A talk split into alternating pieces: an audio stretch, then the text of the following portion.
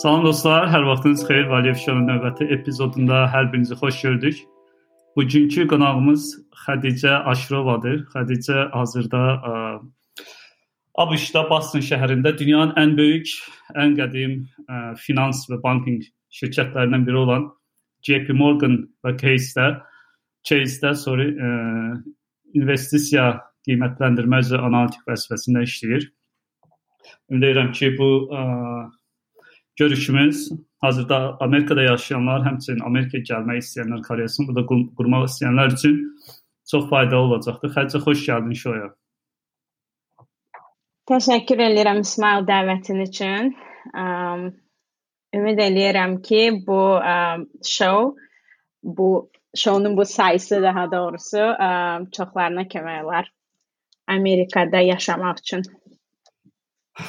Eynilə. Amerika demiş ilk buradan başla. Amerikaya niyə gəldin? Nə vaxt gəldin? Amerikaya səbəb nə idi? Gəldim. Amerikaya təxminən 3 il əvvəl 2018-ci ildə gəlmişəm. Səbəb isə green card qalibi olmağım idi. Yəni o vaxta qədər heç vaxt Amerikaya gələcəyimi planlamamışdım. Yəni səbəb green card qalibi olmağımdır. Necə planlamamışdın? Heç düşünməmişdin? Sevmirdin Amerikanı yoxsa Azərbaycanda Azərbaycan sənin üçün kifayət idi hər baxımdan? Düzü, ə, deyə bilmərəm ki, məsələn Azərbaycan kifayət idi. Mən daha ə, daha çox Türkiyədə təhsil almağı düşünürdüm. Türkiyədə karyeramı inkişaf elətdirməyi düşünürdüm. Çünki mənim qrup yoldaşlarım oradaydılar. Yəni mən də düşünürdüm ki, gələcəyimi orada qurum, amma elə oldu ki, ə, yəni qismət Amerikanı gətirdi. Əla. Yəqin ki, Amerikaya gəlmədən əvvəl Amerika ilə bağlı nəsə təəssüratlarım var idi. Ə, belədir, həyat belədir, insanlar belədir, yaşayış belədir. Ə, gəlib də əslində düşündüyün kimi olmadığını gördüyün şeylər oldumu? Oldu sənələr oldu. Düzü mənim Amerika ilə bağlı düşüncələrim universitet vaxtı formalaşıb. Çünki mən Xəzər Universitetində oxumuşam və orada mənim müəllimlərimin çoxu ə, Amerikada təhsil almış, yəni müəllimlər idi və onlar ə, bizə həmişə Amerikada təhsildən, Amerikadakı işlərindən danışırdılar və demək olar ki, bizdə ə, Xəzər Universitetində mədəniyyət də biraz Amerikadakı kimi idi, daha müasir idi, belə deyək. Ə, ona görə də mən hazırlıqlı idim yəni Amerikadakı vəziyyətə və kinolardan da gördüyümüz qədərilə, yəni Amerika deyə bilərəm ki, ə, cultural şok yaşamamışam, yəni Amerikaya gələndə. Çünki hazırlıqlı idim artıq. Adətən ə, gələn hər kəs yaşayır ə, culture shock maraqlıdır, sən də yaşamamısan. Yəqin çox araşdırmısan Amerika haqqında. hə, çox araşdırmışam və mən ə, gələndən belə deyək də qısa müddət ərzində hər ətrafı maraqlandım və burada Azərbaycanlı dostlarım var idi ki, onlar da mənə çox kömək oldu. Ona görə də deyə bilərəm ki, çox rahat oldu məndə adaptasiya prosesi. Mhm. Allah, bəs ə, dil problemi və sair necə yaşadın? Bilirəm Xəzərdə mən özüm də Xəzər məzunuyam. Xəzərdə dərslər ingiliscə olduğuna görə istərsiniz müəyyən qədər ingiliscə bilirsən. Necə oldu? Məsələn, dil problemi yaşadınmı? Yaşadınsa necə öhdəsindən gəldin? Dil problemi yaşamışam. Yaşamışam o baxımdan ki, qavramaqda problemlər yaşayırdım. Özümü izah eləməkdə elə də çətinliklərim olmurdu, amma burada aksentlər müxtəlif olduğu üçün ona görə də çətinlik yaşayırdım başa düşməkdə. Okay. Um, Belə deyim, bura gələn ə, mən çox insanlar tanıyıram ki, yəni xüsusilə də green carddan gələnlər də. Mhm.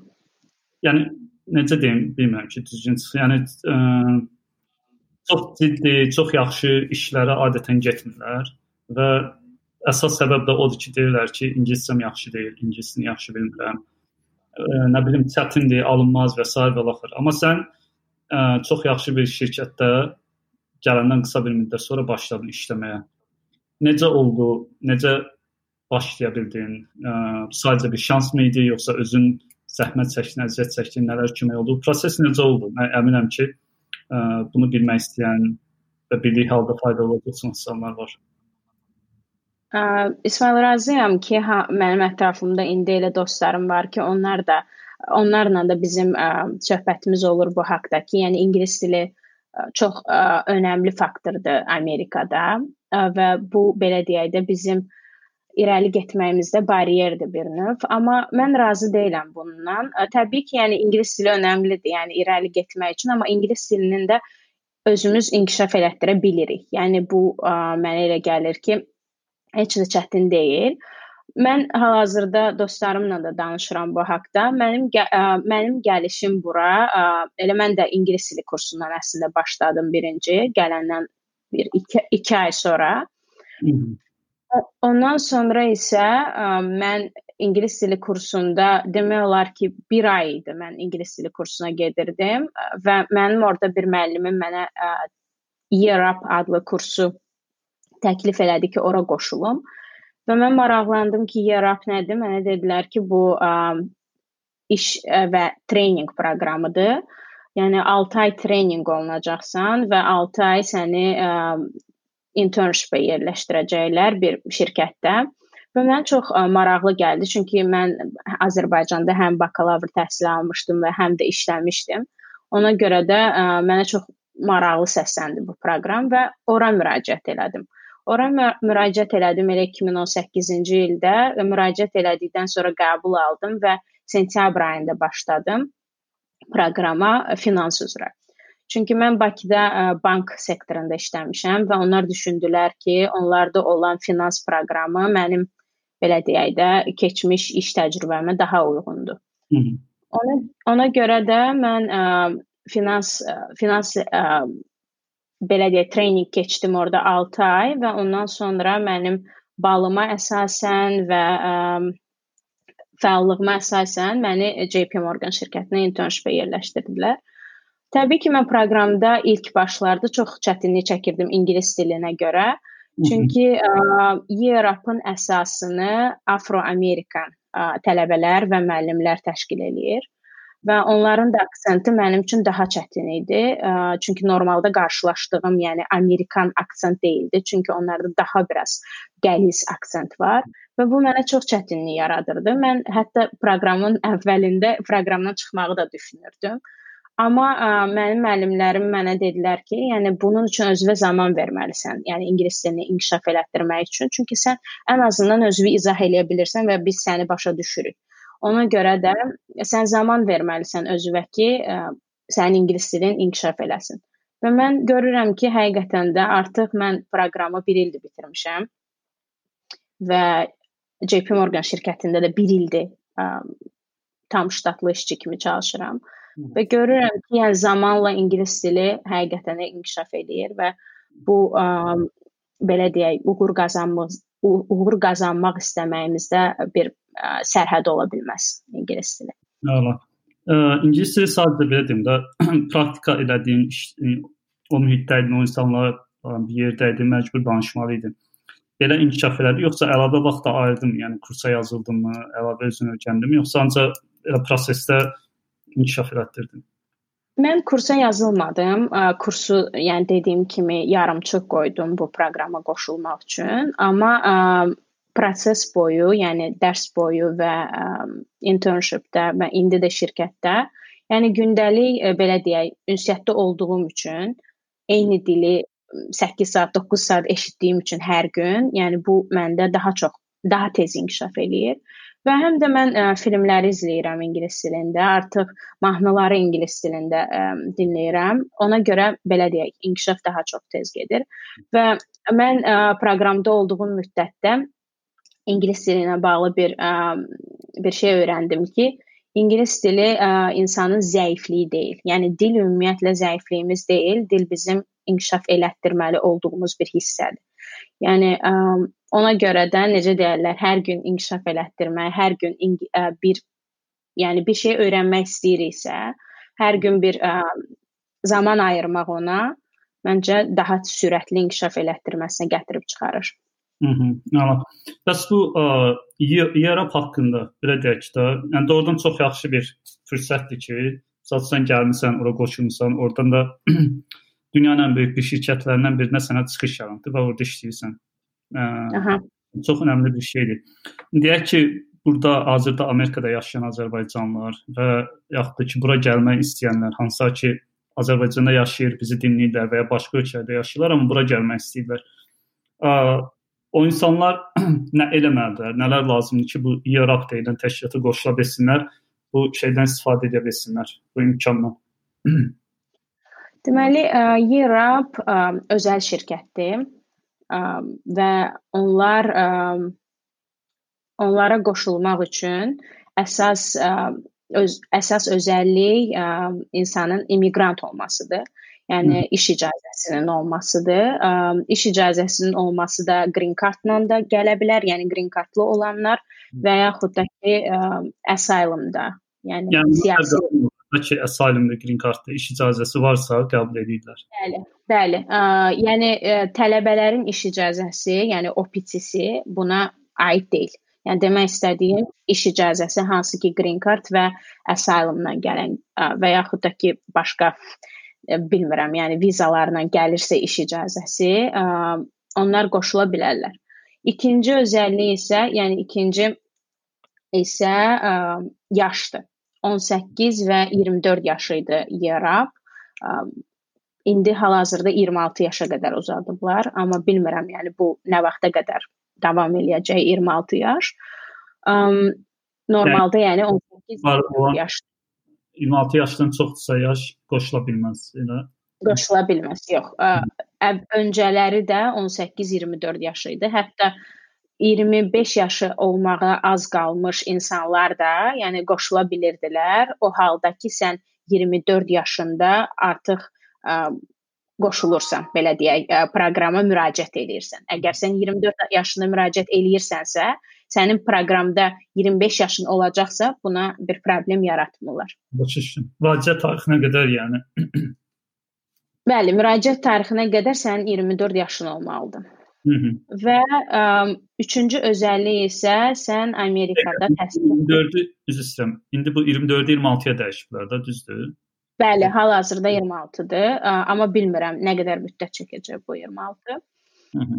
Və üçüncü isə, üçüncü tələb tələb isə ə, Amerikada təhsil almamalısan. Yəni diplom ola bilər, hansı ki, məsələn, mənim diplomum var idi, bu international idi. Ə, yəni Amerikadan tələbə olmamalısan sən. Ha, maraqlıdır. Çünki onlar ə, yəni YRAP o insanlar üçün yaradılıb ki, ə, o daha çox azlıq təşkil edən, hansı ki, məsələn, tələbə məktəbi bitirib, amma iş tapa bilmir.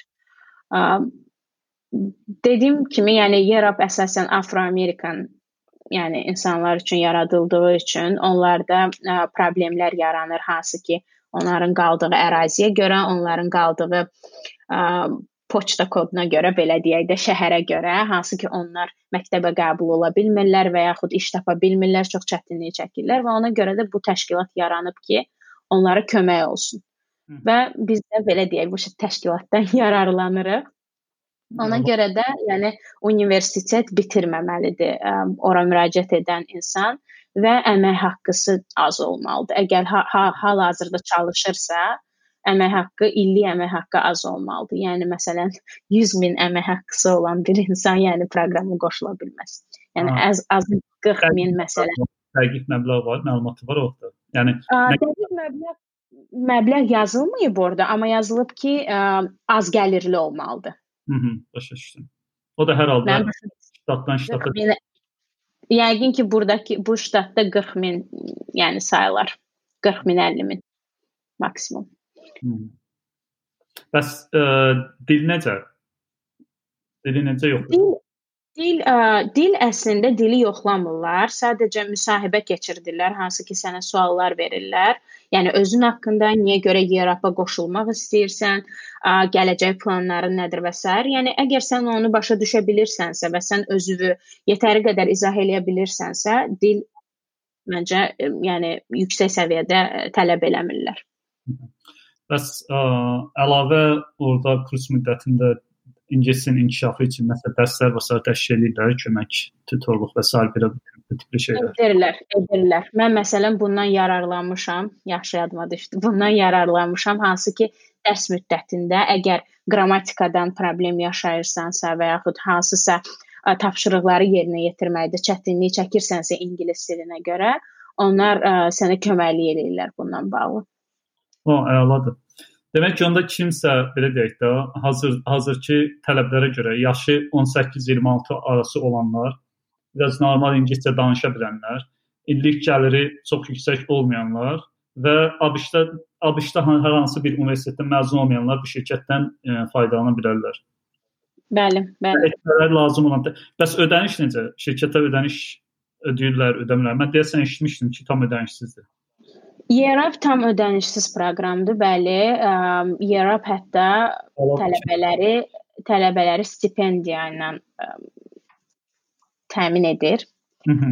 Yəni ə, bəli, bəli, hər bir tələbə stipendiya alır YRAP-dan. Hal-hazırda məbləğ ə, ə, tələbə vaxtı, daha doğrusu treninq vaxtında aylıq 200-250 olaraq dəyişir. Yəni çox az məbləğdir belə deyək, amma yenə də Verirlər də. Bəli. Bir də ə, üzr istəyirəm.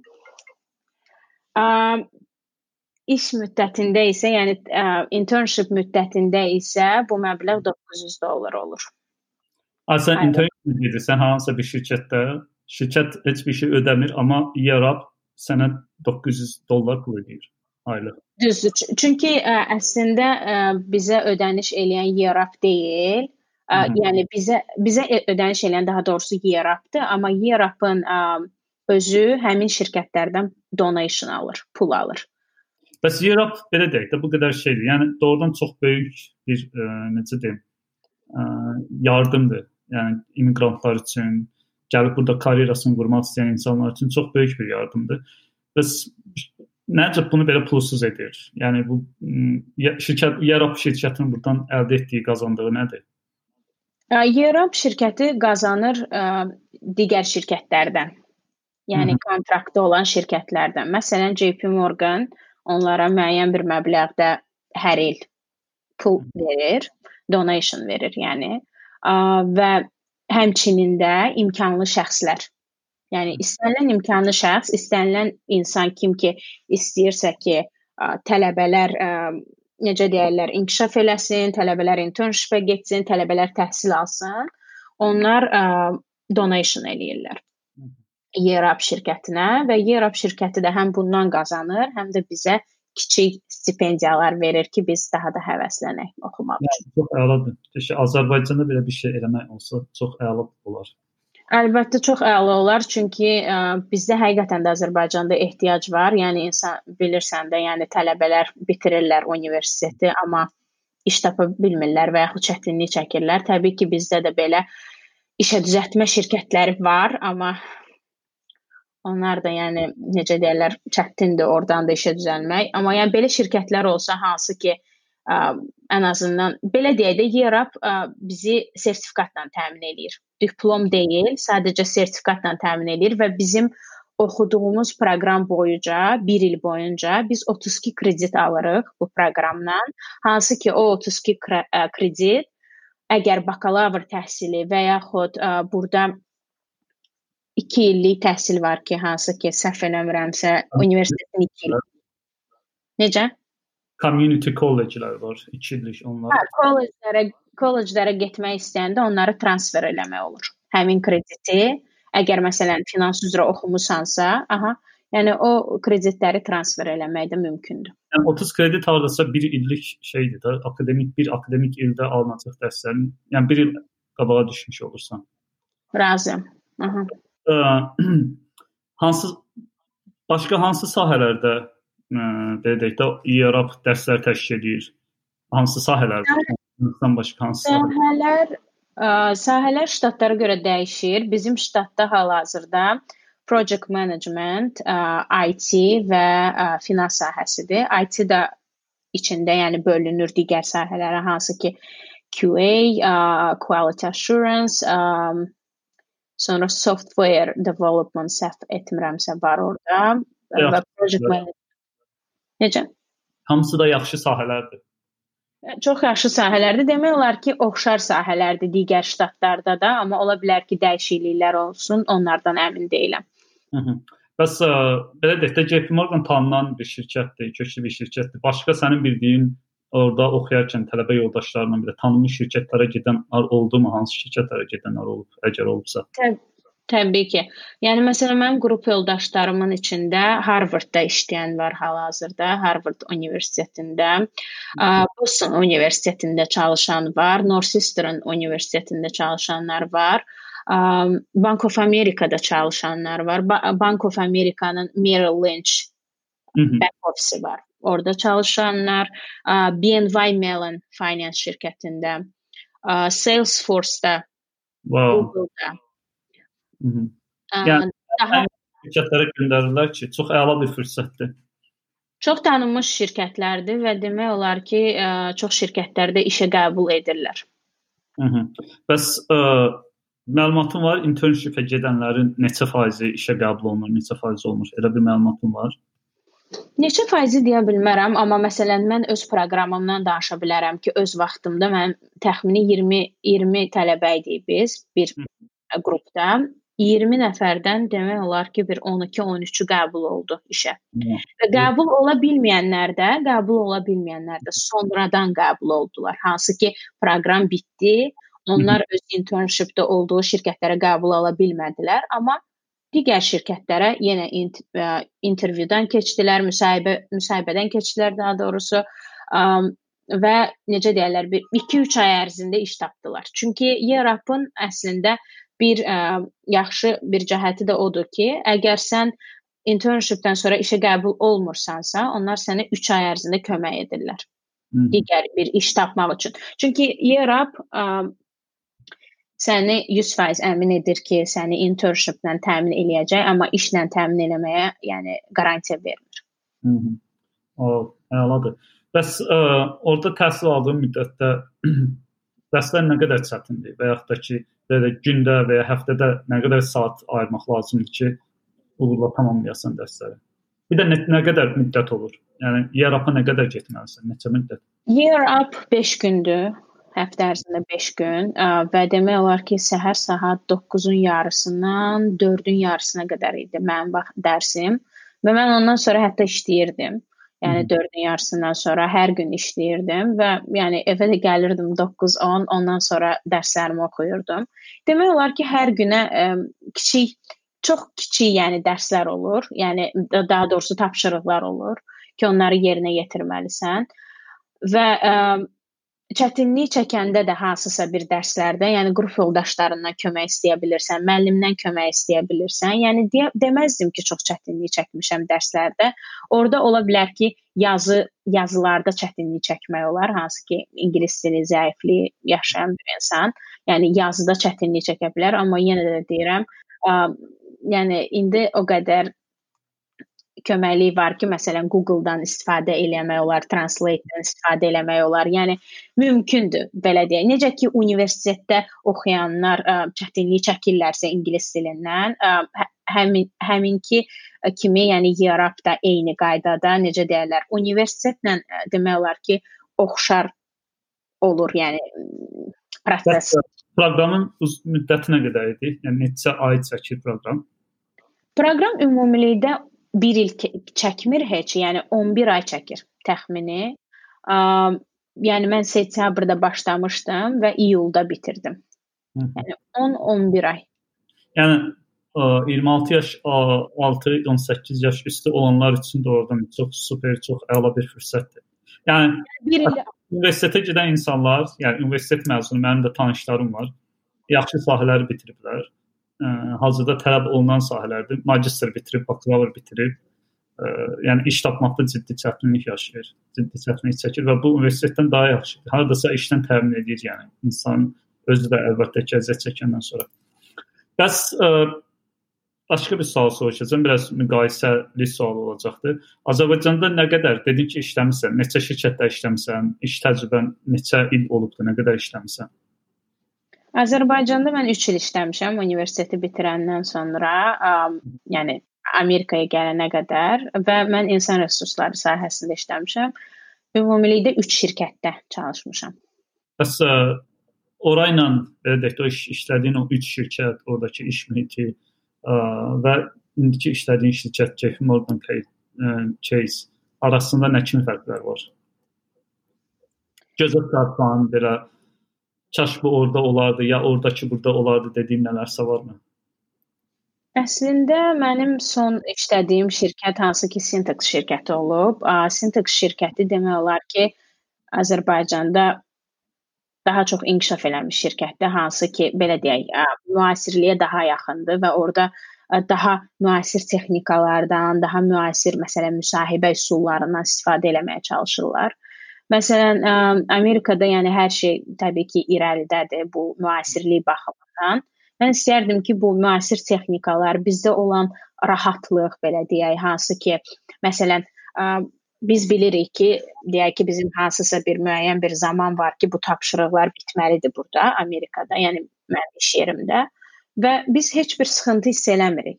Yəni kimsə bizi kənardan izləmir, kimsə başımızın üstündə dayanmır. Yəni biz özümüz sərbəst ə, bu işi bitiririk, bu tapşırığı bitiririk və mən ə, burada Burada deyərdim ki, mən ə, daha çox ə, timdə olan insanların, yəni qrupumuzda olan insanların başqa millətlərdən olmasının ə, daha maraqlı olduğunu düşünürəm. Hansı ki, hər bir insan daha başqa bir mədəniyyətdən gəlir, başqa bir ə, keçmişdən gəlir, belə deyək, özü ilə hər hansısa bir iş təcrübəsi gətirir, hər hansısa bir təhsil gətirir ə, və bu maraqlı olur bir layihə üzərində işləyəndə, çünki hərə bir düşüncəsini qoyur və yeni bir layihə yaranır, yəni maraqlı fikirlər yaranır.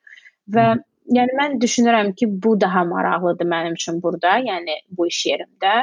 Və yəni istə, mən istərdim ki, Azərbaycanda daha çox ə, müasirliyə doğru getsin. Yəni şirkətlər daha müasir texnikalarla işləsinlər, daha müasir üsullarla Hı -hı. işləsinlər. Bunu bunu deyərdim. Bəs ə, işə yeni başlayanda necə komandaya uyğunlaşmağın və s. nə qədər asan oldu və nə qədər çətin oldu? Sırf o yöndə kömək ə, oldular, məsələn bir proqram və s. var, var mıydı ki, hansı sənin üçün asanlaşdırdı ə, üzv olduğun komanda ilə belə deyək də qaynayıb qarışmaq üçün? Mən ə, mən ilk dəfə internship başlayanda təbii ki, mənə daha rahat idi, çünki onlar bilirdilər ki, yəni mənim heç bir iş təcrübəm yoxdur. Yəni mən burada təcrübə üçün gəlmişəm və onlar mənə çox kömək olurdular. Yəni hər bir zəifliyi belə deyək, hardasan axsayırdımsa hansısa bir sahədə, yəni onlar başa düşürdülər və normal qəbul eləyirdilər və yəni mənə dəstək olmağa çalışırdılar ki, mən irəli gedim. Daha sonra mən işə qəbul olanda tamam başqa bir departamentə işə qəbul oldum. Orada da başa düşürdülər ki, mən tamam başqa bir internshipdən gəlmişəm, yəni tamam başqa bir departamentdən gəlmişəm və bu departamentin işini bilmirəm. Amma yenə də necə? Çox şey gözləmirdilər, kömək olurdular.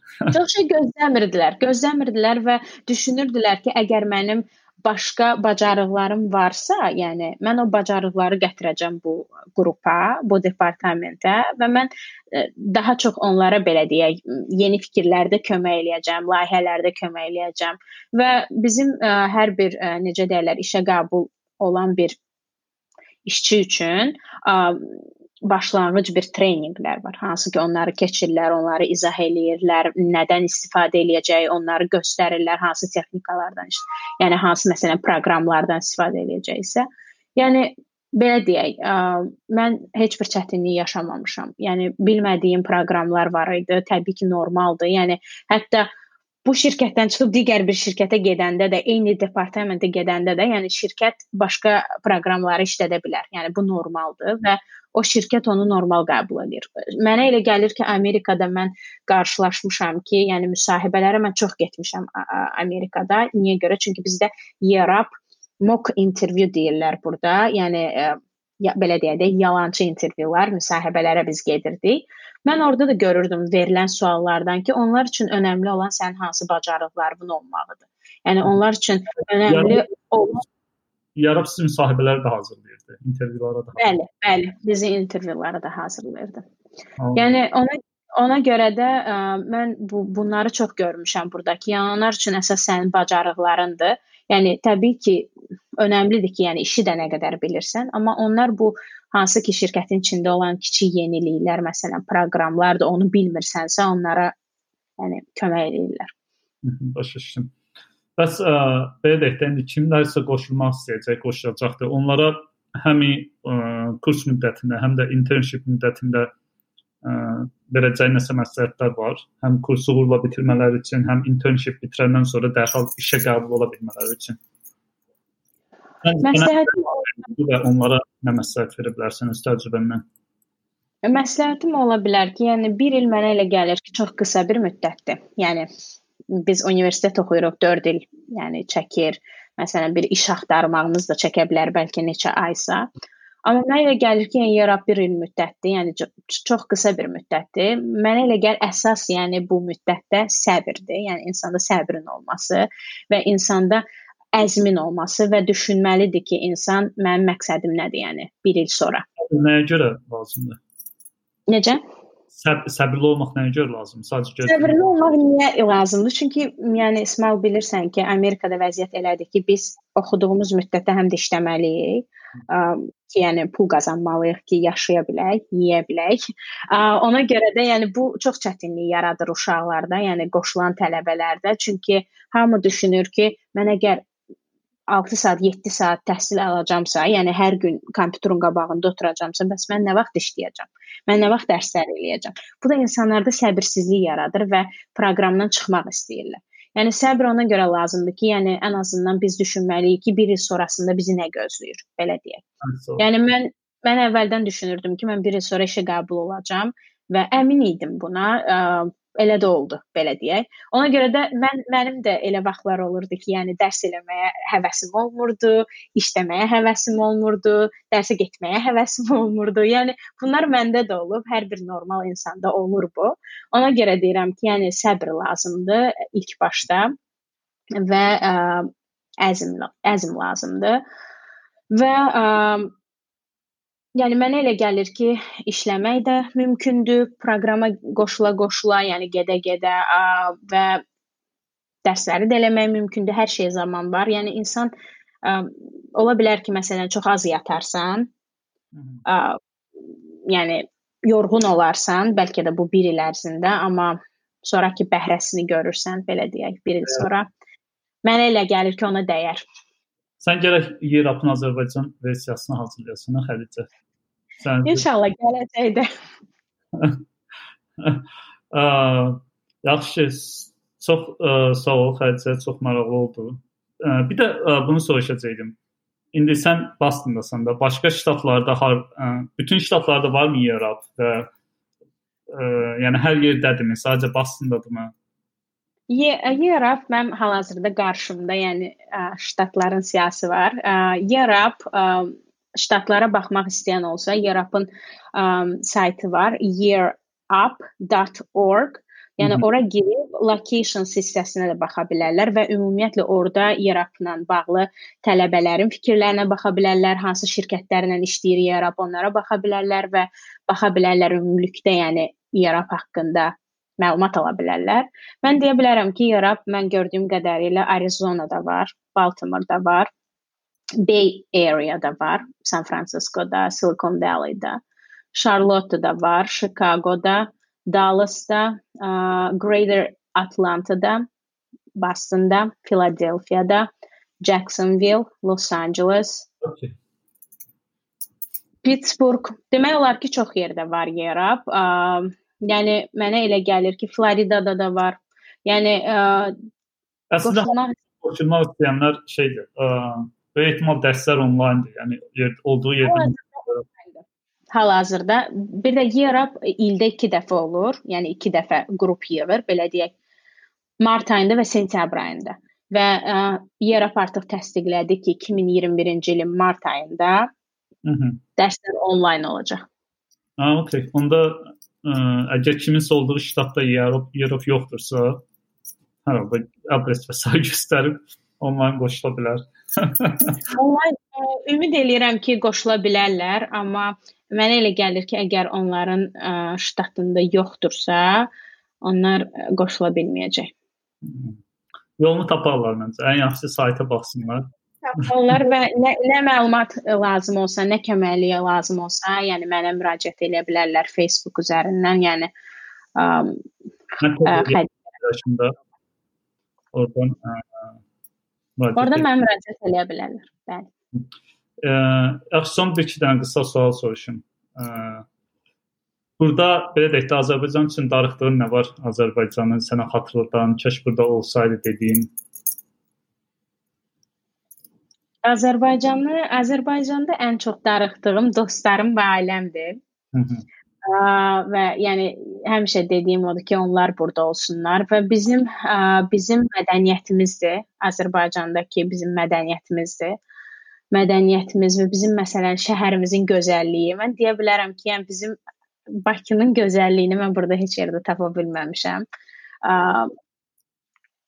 Mənə elə gəlir ki, məsələn bizim qonaqpərvərliyimiz burada çox azdır, məsələn belə, yəni gör çox az görərsən.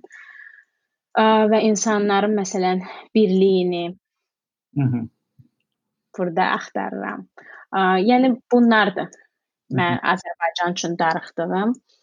Amma yəni çalışıram ki, necə deyirlər, burada onu yaradım mən. Azərbaycanda olub da burada çatışmayan, yəni çatışmayanlar burada yaradaq. Belə deyək.